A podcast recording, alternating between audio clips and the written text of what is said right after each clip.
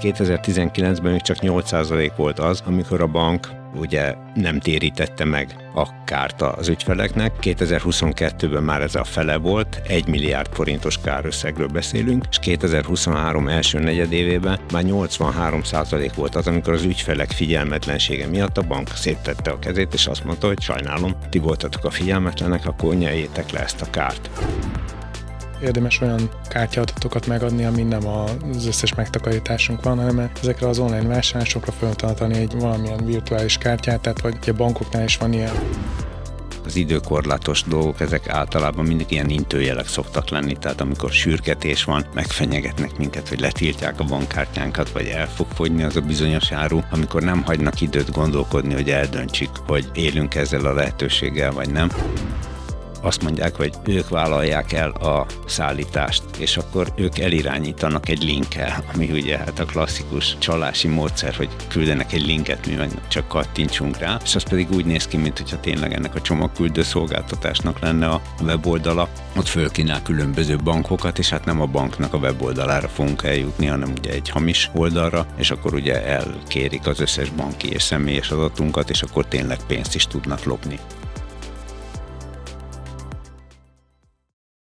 Már csak néhány darab maradt, csak ma 40% kedvezményen megveheti, le ne maradjon akciónkról, még egy óráig élhet az ajánlatunkkal. Mindenki számára ismerősek lehetnek ezek a figyelemfelhívó és azonnali vásárlásra buzdító üzenetek. Black Friday, Cyber Monday, a kiberbűnözők minden évben kihasználják ezeket az online akciós időszakokat, hogy csaló ajánlatokkal próbáljanak megkárosítani bennünket.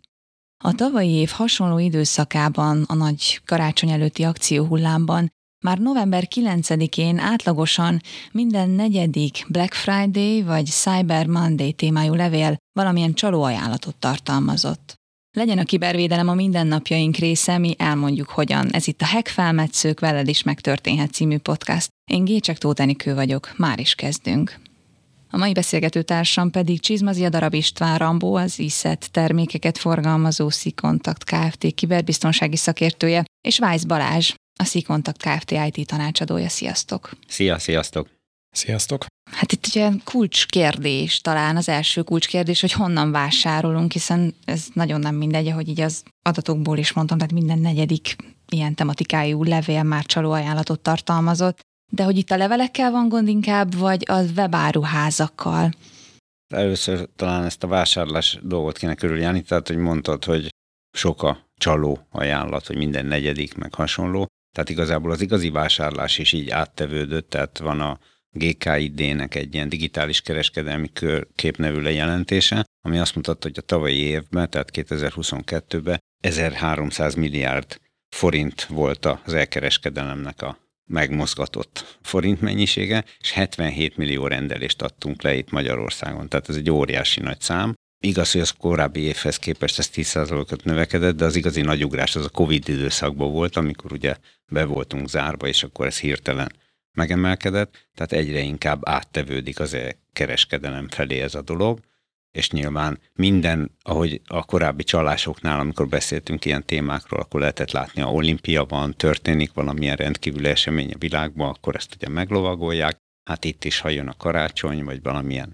nagyáruház, Amazon, vagy bármi más próbál ajánlatokat tenni, akkor ezt leutánozzák, meghamisítják és kihasználják. Tehát így Tehát ahogy növekszik a jelenlétünk az online térben, olyan arányban növekszik a csalások száma is az online térben, tehát ez egy ilyen párhuzamosan futó történet. Igen, igen, ez a kihasználás, és tulajdonképpen amit kérdeztél, hogy ez e-mail formájában jön, hát egyre változatosabb formába találkozhatunk vele, tehát jön ez e-mail formájába, és felugró ablakként is, SMS-ként is kaphatjuk, tehát roppant változatos formába jönnek a csalások. Azt tehetjük, hogyha jönnek ilyenfajta üzenetek, akkor odafigyelünk, és azt is tehetjük, hogy megválogatjuk, hogy honnan vásárolunk, akkor talán kezdjük azzal, hogy válogassuk meg, hogy honnan vásárolunk, tehát hogyha nem tolnak az arcunkba mindenféle üzenetet, hanem magunk választunk egy webáruházat, akkor ott milyen szempontok vannak. Nyilván van a néhány nagyon nagy Magyarország, ugye nem olyan nagy a piac, tehát nincs olyan túl sok nagyon nagy webáruház, azokat ismerjük, azokban megbízunk, de egyébként még hogyan választhatunk, hogyha mondjuk pont az, amit kinézünk, az abban a nagy áruházban nincsen, hanem egy olyan helyen, amitről eddig nem hallottunk még feltétlen. A vásárlások azért sokfélék lehetnek, tehát hogyha mondjuk elhatározzuk, hogy valamit szeretnénk vásárolni, akkor mondjuk tudatosak vagyunk, elkezdünk keresgélni a neten, árösszehasonlító oldalakat, ilyen árukereső, olcsóbbat.hu, stb. használunk, és akkor ugye mi választjuk ki a terméket. Aztán van olyan vásárlás, amikor nem biztos, hogy szükségünk van valamire, de egy reklám hatására úgy gondoljuk, hogy az érdekes, gondolkozunk el rajta, vagy használjunk ki a lehetőséget, és ekkor vagyunk tájékozatlanok. Tehát ekkor történik Ilyenkor az, van baj el kell, el kell dönteni, hogy az ár e az, amire mindenképpen rábízzuk magunkat, hogy az olyan alacsony ár, hogy el akarjuk hinni, vagy hihető-e egyáltalán, és akkor, akkor kellene megnézni mindenkinek, hogy ez az áruház, aki ezt kínálja, ez egyáltalán legális-e, legitime, majd később biztos beszélünk az intőjelekről, hogy ugye, hogy ismerjük fel ezeket a webáruházakat, Mondjuk most. vagy e-maileket. Igen, tehát hogy onnan tudjam, hogy legitim, fogalmam sincs. Korábban már volt szó adathalászatról, és hát akkor is a magyartalanság, a hibás helyesírás, akkor a tulajdonképpen nem is azzal beszélünk, de hát csak le van másolva a weboldal, és akkor látjuk a domain címbe, hogy az nem is az eredeti áruház, hanem mondjuk egy betűvel elütött mása, vagy egy teljesen más cím, amit nagyon sokan figyelmen kívül hagynak, rákattintanak, és akkor hiába látják, hogy nem az áruháznak a URL címe látszik ott, teljesen egy irányba állnak, hogy ők vásárolni akarnak, és nem figyelnek oda a csalásra. És hát a csalásoknak ugye a fő motivációja pénzt és személyes adatot próbálnak megszerezni. Tehát vagy azt akarják, hogy náluk fizessünk, és akkor a pénzünket lopják el, vagy ha ez valami miatt nem sikerül, a személyes adatainkat, amiket begépelünk, legyen az a személyes adat, vagy pedig a banki személyes adat, ezeket akarják megszerezni. Oké, okay, de menjünk még vissza egy kicsit az URL-hez, tehát hogy persze, igen, nézzem meg alaposan, hogy mi történik, ott minden betű stimmele, de hát azért nem olyan egyszerű ez, most tényleg nem mindenki ennyire képzett ilyen fronton, egy betű lehet, hogy nem stimmel, lehet, hogy észre sem veszi. Tehát, hogy azért mi még az intőjel, ami segíthet nekünk ezen felül? Érdemes megnézni, hogy az adott cégnek milyen elérhetőségei vannak a weboldalon, van-e egyáltalán. Nagyon sok helyen van az, hogy csak egy e-mail cím van és akkor kész, nem lehet sehogy máshogy elérni őket. Az én már önmagában illegális? Mindenki nem illegális, csak én az ilyenektől eleve menekülök. Tehát, mert ha bármi van, akkor most írsz egy e-mailt, és vagy válaszolnak, vagy nem. Minimum az, szerintem az, hogy legyen telefonszám, az már garancia. Egy, egy cím. Lehet, hogy nem érvényes a telefonszám. Hát, tehát egy ilyen cím, telefonszám, akkor tudom, hogy ez már ilyen túlzásnak tűnik, de érdemes rákeresni, hogy valamilyen adószámot el tudunk érni. Szerintem jobb inkább először szkeptikusnak lenni, meg kicsit gyanakónak, mint aztán utána meg elutalunk nekik 20-30 ezer forintot, és koppanunk, hogy nem jön meg semmi. Ezeket érdemes szerintem megnézni, illetve van egy ilyen oldal, hogy jogsértőwebáruházak.kormány.hu, és igazából csak azért mondom ezt ilyen mosolyog, most eh, van, de most éppen nincs, tehát pont a múlt héten néztem, és akkor éppen nem volt elérhető. De elméletileg ezen az oldalon össze vannak gyűjtve az ilyen megbízhatatlan webáruházak, szóval ezt is lehet használni tájékozódásra, hogyha magyar oldalakról akarunk rendelni. Illetve szerintem, ami még fontos, hogyha mondjuk például a külföldi oldalakra akarunk rendelni, akkor vannak olyan bővítmények, amelyek böngésző bővítmények, amik segíthetnek abban, hogy figyelmeztet mondjuk az ilyen kétesérű eladókra, vagy a hamis értékelésekre, mondjuk, hogyha ilyen oldalakról rendelünk, hogy eBay vagy Amazon, például ez a FakeSpot nevű Chrome bővítmény. Illetve még szerintem, ami nagyon árulkodó. Mert bocsánat, FakeSpot, tehát Spot. hogy letöltök egy ilyen bővítményt, és ez mit csinál? Figyeli, a, tehát a, hogyha mondjuk az Amazonon vagy az eBay-en vásárolsz, akkor ott szól előre, hogyha hamis értékeléseket talál. Ezt nem tudom, hogy mi alapján azonosítja be, illetve az olyan eladóknál is szól, akikkel kapcsolatban valamilyen negatív értékelés jött, vagy nem megfelelő százalékon van az értékelésük, és akkor erre figyelmeztet, hogy vagy ne vásároljál, vagy inkább óvatosan. Meddig él egy ilyen weboldal?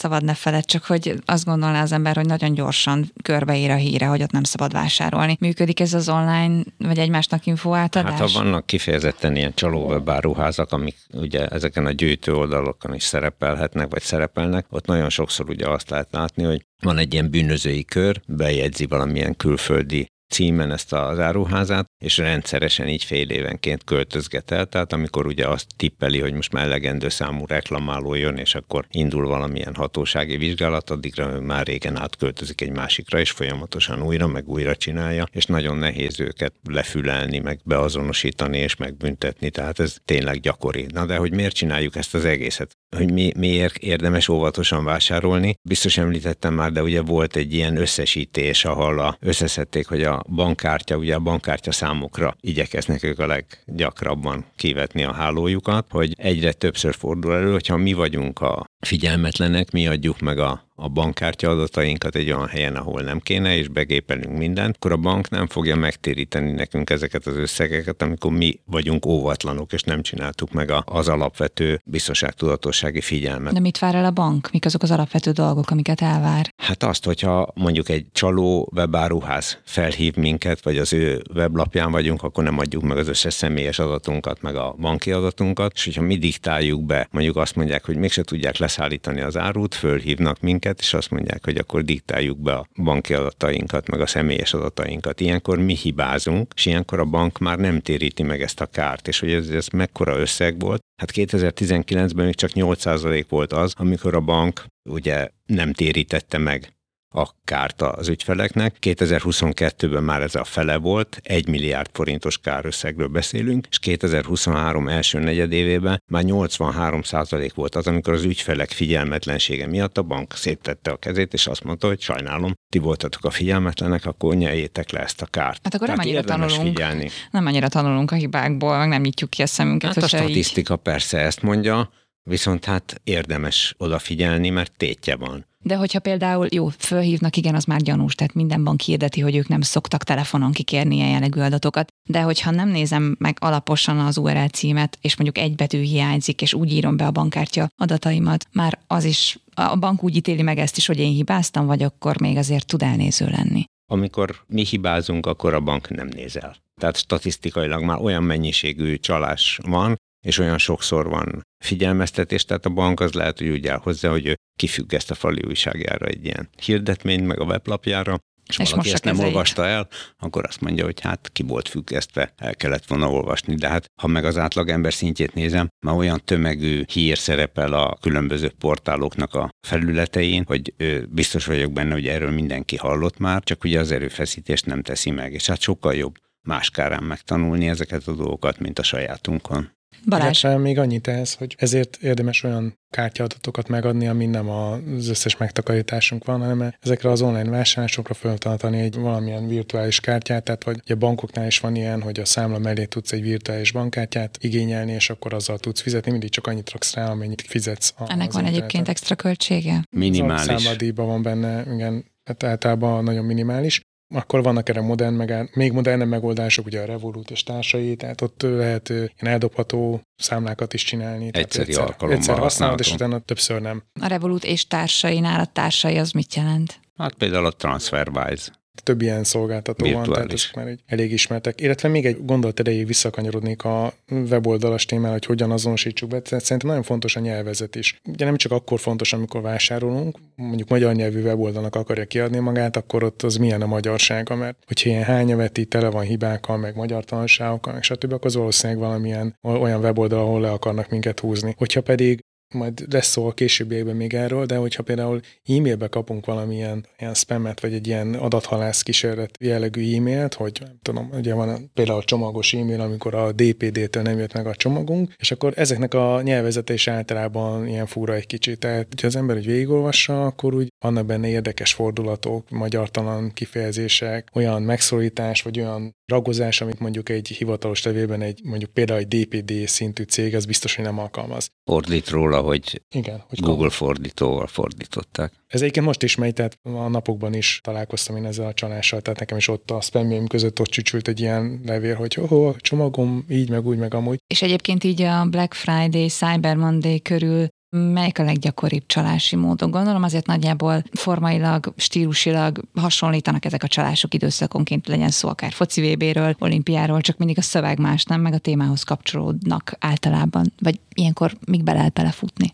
Hát ilyenkor ugye ezek a határidők nyilván az igazi akciókra is vonatkoznak, de hát amiket a Balázs említett, hogy ugye megnézzük, hogy tényleg egy neves, jól ismert áruházról van-e szó, nem pedig egy ismeretlenről, ahol esetleg, hogyha reklamációnk van, akkor ugye nem tudunk ott élni, akkor tényleg az, az a weboldal, tényleg az a szolgáltató nyújtja a szolgáltatást. De ezek az időkorlátos dolgok, ezek általában mindig ilyen intőjelek szoktak lenni, tehát amikor sürgetés van, megfenyegetnek minket, hogy letiltják a bankkártyánkat, vagy el fog fogyni az a bizonyos áru, amikor nem hagynak időt gondolkodni, hogy eldöntsük, hogy élünk ezzel a lehetőséggel, vagy nem, akkor ugye mindig rajtunk van az a nyomás, az a teher, hogy gyorsan kapkodva intézünk valamit, és akkor ugye a hibázási lehetőség is nagyobb. Biztos, hogy ezekbe a Black Friday-es, meg egyéb akciókba ki lehet már évközben is figyelni, hogy mi az, amivel élni akarunk. Tehát például a nagy műszaki áruházaknál rendszeresen van, hogy nagy százalékokat engednek el, és akkor betervezhetjük úgy is, hogy akkor biztos az eredeti weboldalon járva megtervezzük, hogy akkor a mosógépet tényleg majd decemberben fogjuk kicserélni, vagy akkor akarunk új tévét, de akkor is nagy a hibázásnak a lehetősége, hogy ilyen impulzus vásárlásra adjuk a fejünket,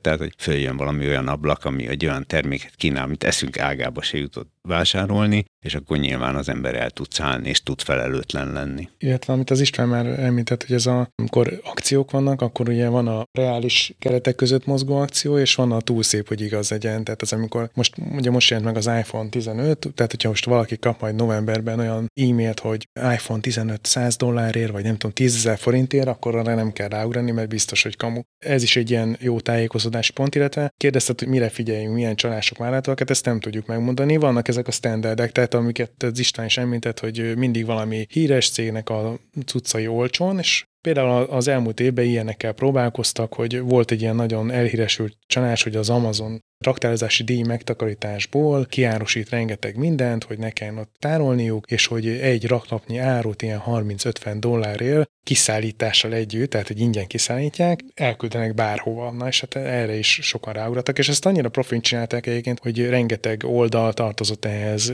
reklámozták hirdetésekkel, a csalók, szóval tényleg úgy mindent megtettek, hogy, hogy ne dőljenek be, de most egy raklamnyi tudsz 30-50 dollárért, tehát hogyha WC papír van rajta, az is sokkal többe kerül. Úgyhogy ilyenkor azért úgy illik gondolkozni, mert tehát szerintem az a raktározási díj fényében sem reális. Illetve ami volt még tavaly egy szintén egy ilyen híresebb csalás, a Louis Vuitton csalás, amikor e-mailben küldtek ettől a híres márkától, hogy egy ilyen Black Friday szél keretében 100 dollártól lehet vásárolni cikkeket. Hát nyilván ez egy nagyon híres divatmárka, tehát ott 100 dollárért nagyjából semmit sem lehet kapni. Úgyhogy ilyesmikre kell, ez is ugyanaz a ugyanarra a körre van felhúzva, amit így az előbb István is említett, hogy hú, nagyon olcsón. Inkább ez a jellemző, tehát, hogy azokat célozzák, akiknek akár kisebb megtakarításaik vannak, mert hogy talán ők nem olyan magasan képzettek, talán ők jobban ráugranak ezekre a nagyon szépnek tűnő kedvezményes ajánlatokra, vagy azért olyan is előfordul, hogy egy-egy nagyobb vadra lőnek, úgymond, és tényleg ilyen nagyon nagy értékű tárgyakat próbálnak eladni. Hát nyilván csak a, annak tűnik, hogy el akarják adni, de csalás van a háttérben. Hát szerintem mind a kettő, mind a kettő előfordul, tehát ez a hihető árak, ezek azért nagyon fontosak. Tehát ugyanígy, hogyha egy Fender Stratocaster gitárt vagy egy iPhone-t akarnak egy dollárért adni, akkor hát azért minden normális gondolkodású embernek ki kell, hogy gyulladjon a vészcsengő a fejébe. De Ugye a vásárlásnál nem említettük, de szerintem ide tartozik az is, amikor ugye nem új árut veszünk, hanem ugye használt árukba gondolkodunk, akkor itt a Vatera, Jófogás és az összes többi Craigslist, külföldi oldalak is, az ide az eBay is ugye ide tartozik. Hát ott is ugye nagyon sok ilyen tipikus csalás figyelhető meg, nem beszélve ugye a Facebook Marketplace-ről is. Az most saját tapasztalatát óriási arányban jelennek meg most már áll profillal üzenetet küldő emberek, és hát pont közeli ismeretségi körben többen is belefutottak csalásokba. Tehát, hogy most már mondjuk tíz üzenetből majdnem, hogy nyolc fake profilról jött, amikor föltettem valamit hirdetni, míg mondjuk egy éve tízből egy. Lehet, hogy ez most véletlen, velem most pont így történt meg, de többektől hallom, hogy nagyon-nagyon-nagyon megszaporodtak ezek a, a csalási számok. Igen, igen, hát ezek, ezek a visszaélések, és hát magyar nyelven jön egy csomó. Hát mondok egy párat, tehát a hamis árut adnak, az nagyon sokszor előfordul, hát ez ugye időszaktól, tehát karácsonyi időszaktól teljesen függetlenül az egész évben.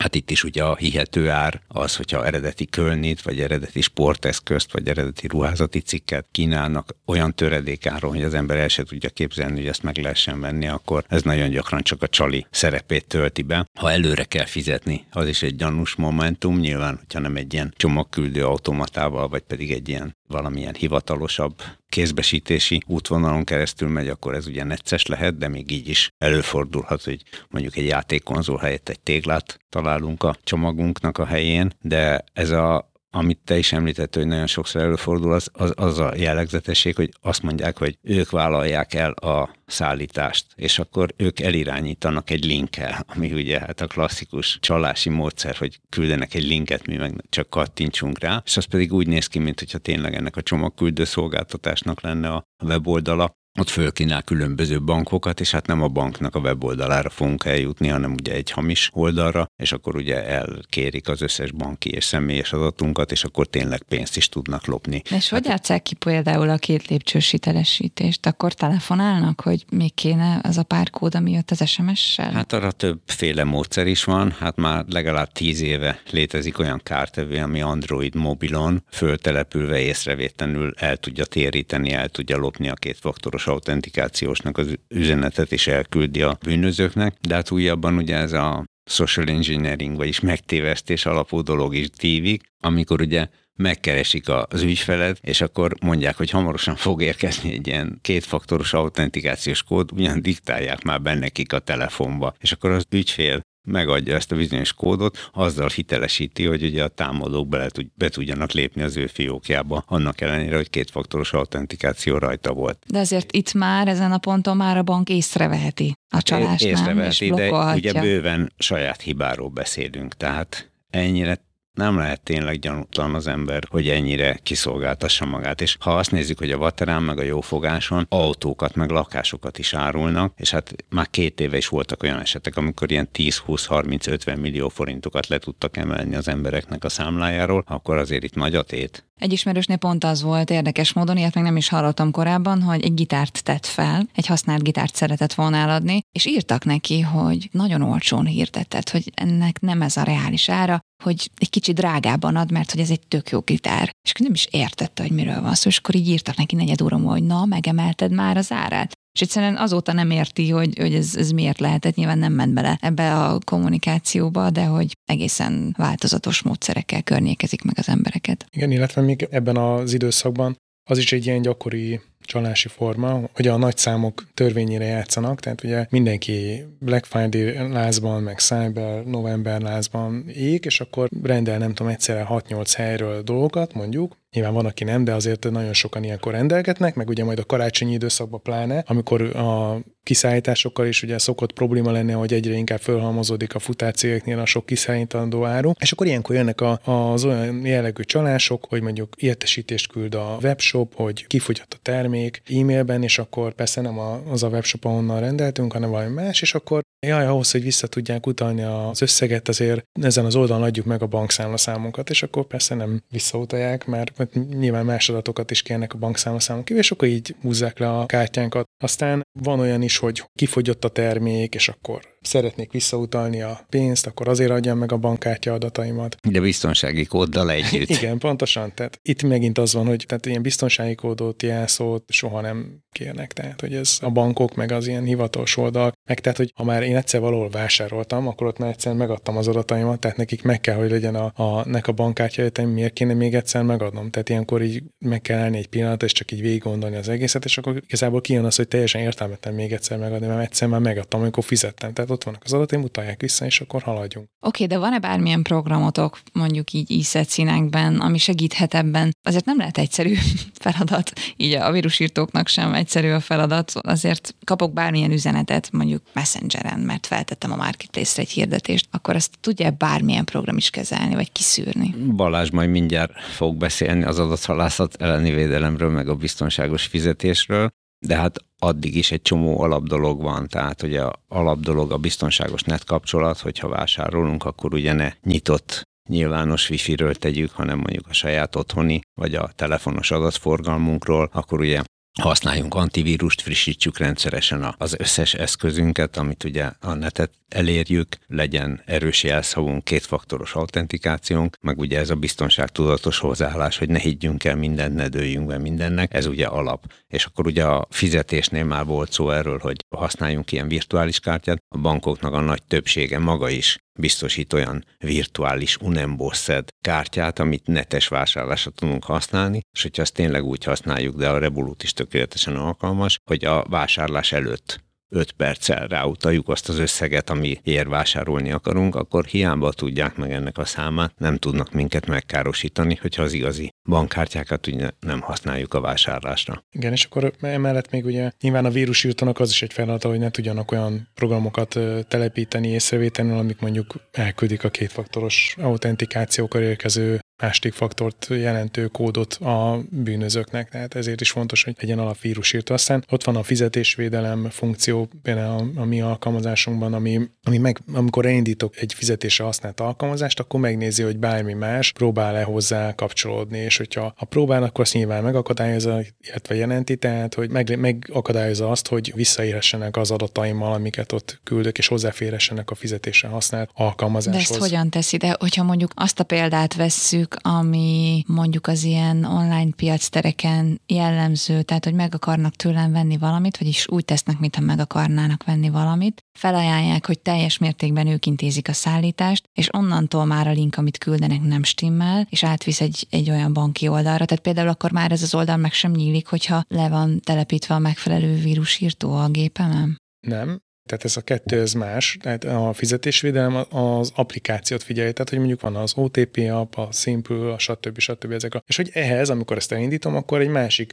valamilyen applikáció vagy valamilyen folyamat nem próbálja ezt kompromitálni, tehát hozzáférni az alkalmazásban megadott adatokhoz, illetve abban tárolt adatokhoz, amit te mondasz, arra az adathalászat elleni védelem tud hasznos lenni, ugyanis nyilván ez egy adathalász weboldal esetén azonnal letiltja a weboldalt, meg se fog jelenni. Én is most, amikor a múlt héten néztem ezt a DPD-s levelet, akkor direkt rákattintottam a linkre, persze a vírus azonnal blokkolta az oldalt, hogy ez egy adathalász oldal, és hozzá se tudtam férni. Hát meg a józanész is ugye tartozik, tehát a szállítást azt a eladónak kell intézni. Tehát az már eleve furcsának kell, hogy legyen, hogy a vevő akar intézkedni a szállításról, amikor az a te dolgod. Rögtön érdemes gyanút fogni. Persze, csak minimalizáljuk a józanész szükségességét. Tehát azt akarom kideríteni, hogyha tényleg teljesen vakon vagyok a világban, akkor mi tud nekem segíteni? Vakon nem lehet már lenni. Ne legyek vakon tehát, a világban. Hát igen, jó. tehát vagy inkább azt mondom, hogy tehát, hogyha valaki ennyire elengedi magát, vagy nem is tudom, ennyire le van lazulva, akkor lehet, tehát ennek nincs semmi korlátja. Csak sokba kerül. Semmi probléma, csak igen, csak akkor készüljön fel arra, és ez lehet, hogy sokba fog kerülni. Bizony. Térjünk egy kicsit vissza arra a részre, amikor e-mailben jönnek ajánlatok, vagy mondjuk ilyen kamu szállítmányozós e-mail, ami azt tartalmazza, hogy éppen milyen csomagot terveznek kiszállítani, vagy mi nem sikerült. De hogy általában azért az esetek nagy részében a spambe jönnek ezek. De mi van akkor, amikor nem a spambe jön? Tehát azt, azt mondjuk hogyan dönti el az e-mail rendszer, hogy mi az, ami a spambe megy, meg mi nem? Hát az ennek a szűrésnek a hatékonysága sose száz százalék, és a bűnözők is tudatosan igyekeznek ki játszani azokat a szabályokat, amiket ezeket a spam szűrők használják. Nyilván vannak nevezetes feladók, nevezetes tárcsorok, ismert, de ez egy napi karbantartást igénylő dolog, hogy ezek a spamek ki legyenek szűrve. Teljesen életszerű, hogy az a normál posta fiókba is bejöjjön, és ugye hát említettük itt ugye a vásárlást, az akciókat, a nyereményjátékokat, akkor ugye a szállítmányozó cégeket is, de hát simán beleférhet még ebbe a kategóriába, mert ugyanúgy pénzre megy, amikor ugye mondjuk kriptovaluta befektetést ajánlanak valamilyen nagy ember, vagy híres ember, Elon Musk, vagy bárki másnak a nevébe, és akkor ugye hát, ha nem vásárolni akarunk a pénzünkkel, akkor fektessük be valamilyen célra, ami majd jól nagy hasznot hoz, azt ígérik az elkövetők, és hát itt is egy csomó féle csalást látunk, nem is a, a megjelzett személy nevébe írnak nekünk, és ott is felelőtlenül az emberek meg szokták adni a kriptotárcájuknak az elérhetőségét, a banki adataikat, a személyes adataikat, tehát egyáltalán a kéretlenségnek egy ilyen intőjelnek kéne lenni. Kértem én ilyet? Nem kértem. Akkor kétszer annyit kell rajta gondolkozni, mint hogyha kértem volna. És mondjuk a levelező rendszeremen belül lehet valami beállítást tenni, ami mondjuk szigorúbban kiszűri ezeket a fajta üzeneteket? A nagy része a szűrésre kerül, tehát én úgy értem, hogy ez, ez szépen dolgozik, de előfordulhatnak olyan üzenetek,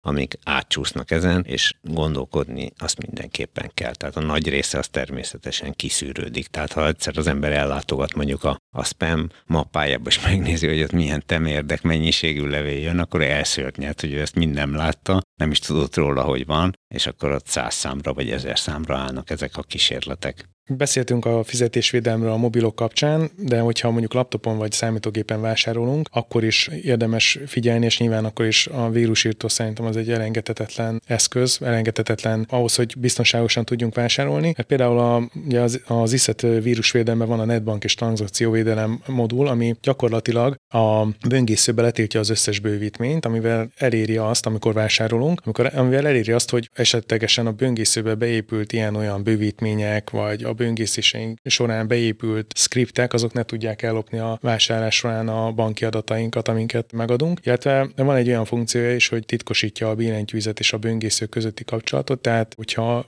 esetleg valamilyen kilógert sikerülne feljutatni a gépünkre, ami ugye a billentyűzet leítéseket naplozza, akkor így se tudják ellopni a banki adatainkat. Tehát ez a vírusvédelmen fölül még egy ilyen extra védelmi réteget húz rá a pénzügyi tevékenységeinkre. Szóval ezt is én azt gondolom, hogy mindenképpen érdemes használni, és érdemes a pénzügyi tranzakció során a védett böngészőben végezni ezeket a műveleteket. És egyébként még arra gondoltam, még a, ugye a biztonságos weboldalak, vagy a biztonságos webshopok kiválasztásánál ugye szóba került, hogy hogy lehet ezeket megtalálni.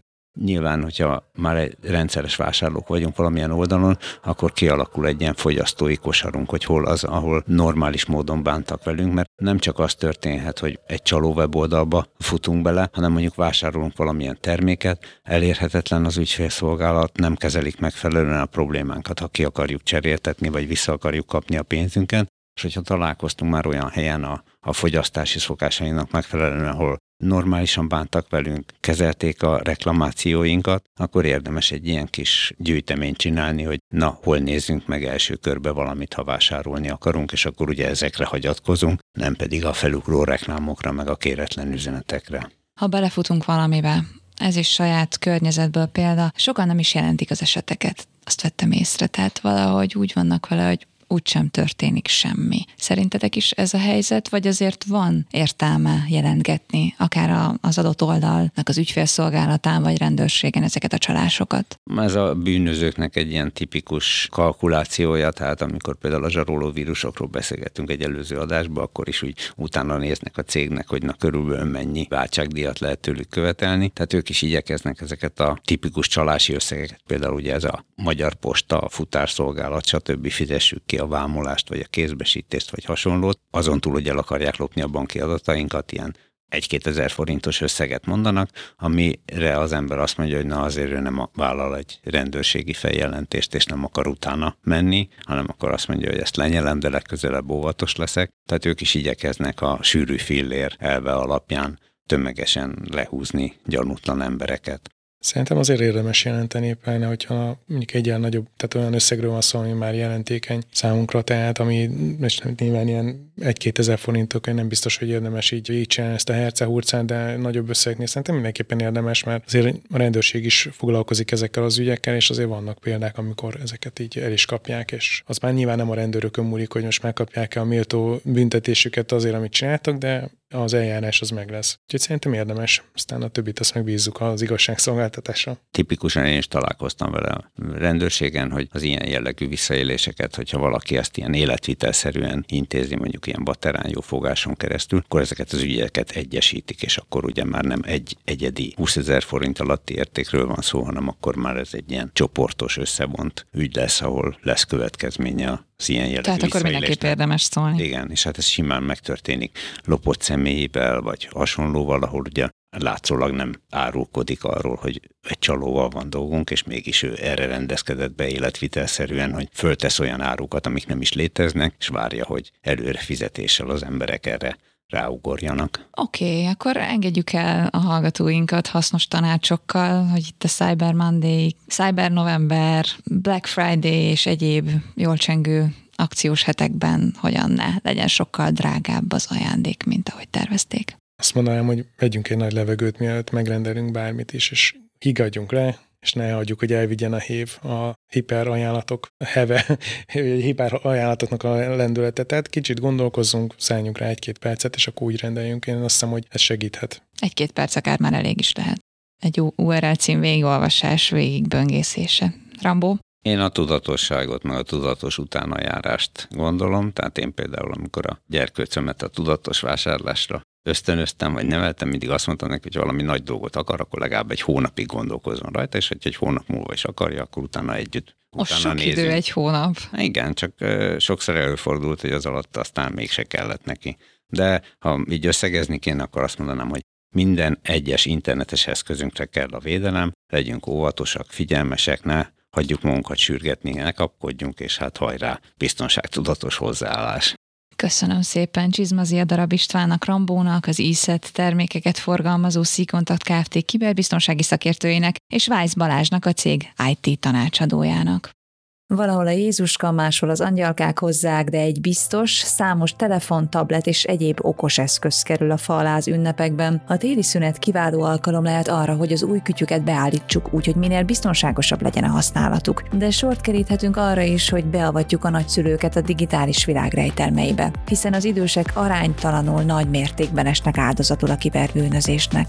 Tartsatok velünk legközelebb is ezzel a témával. Gécsek Tótenikőt hallottátok.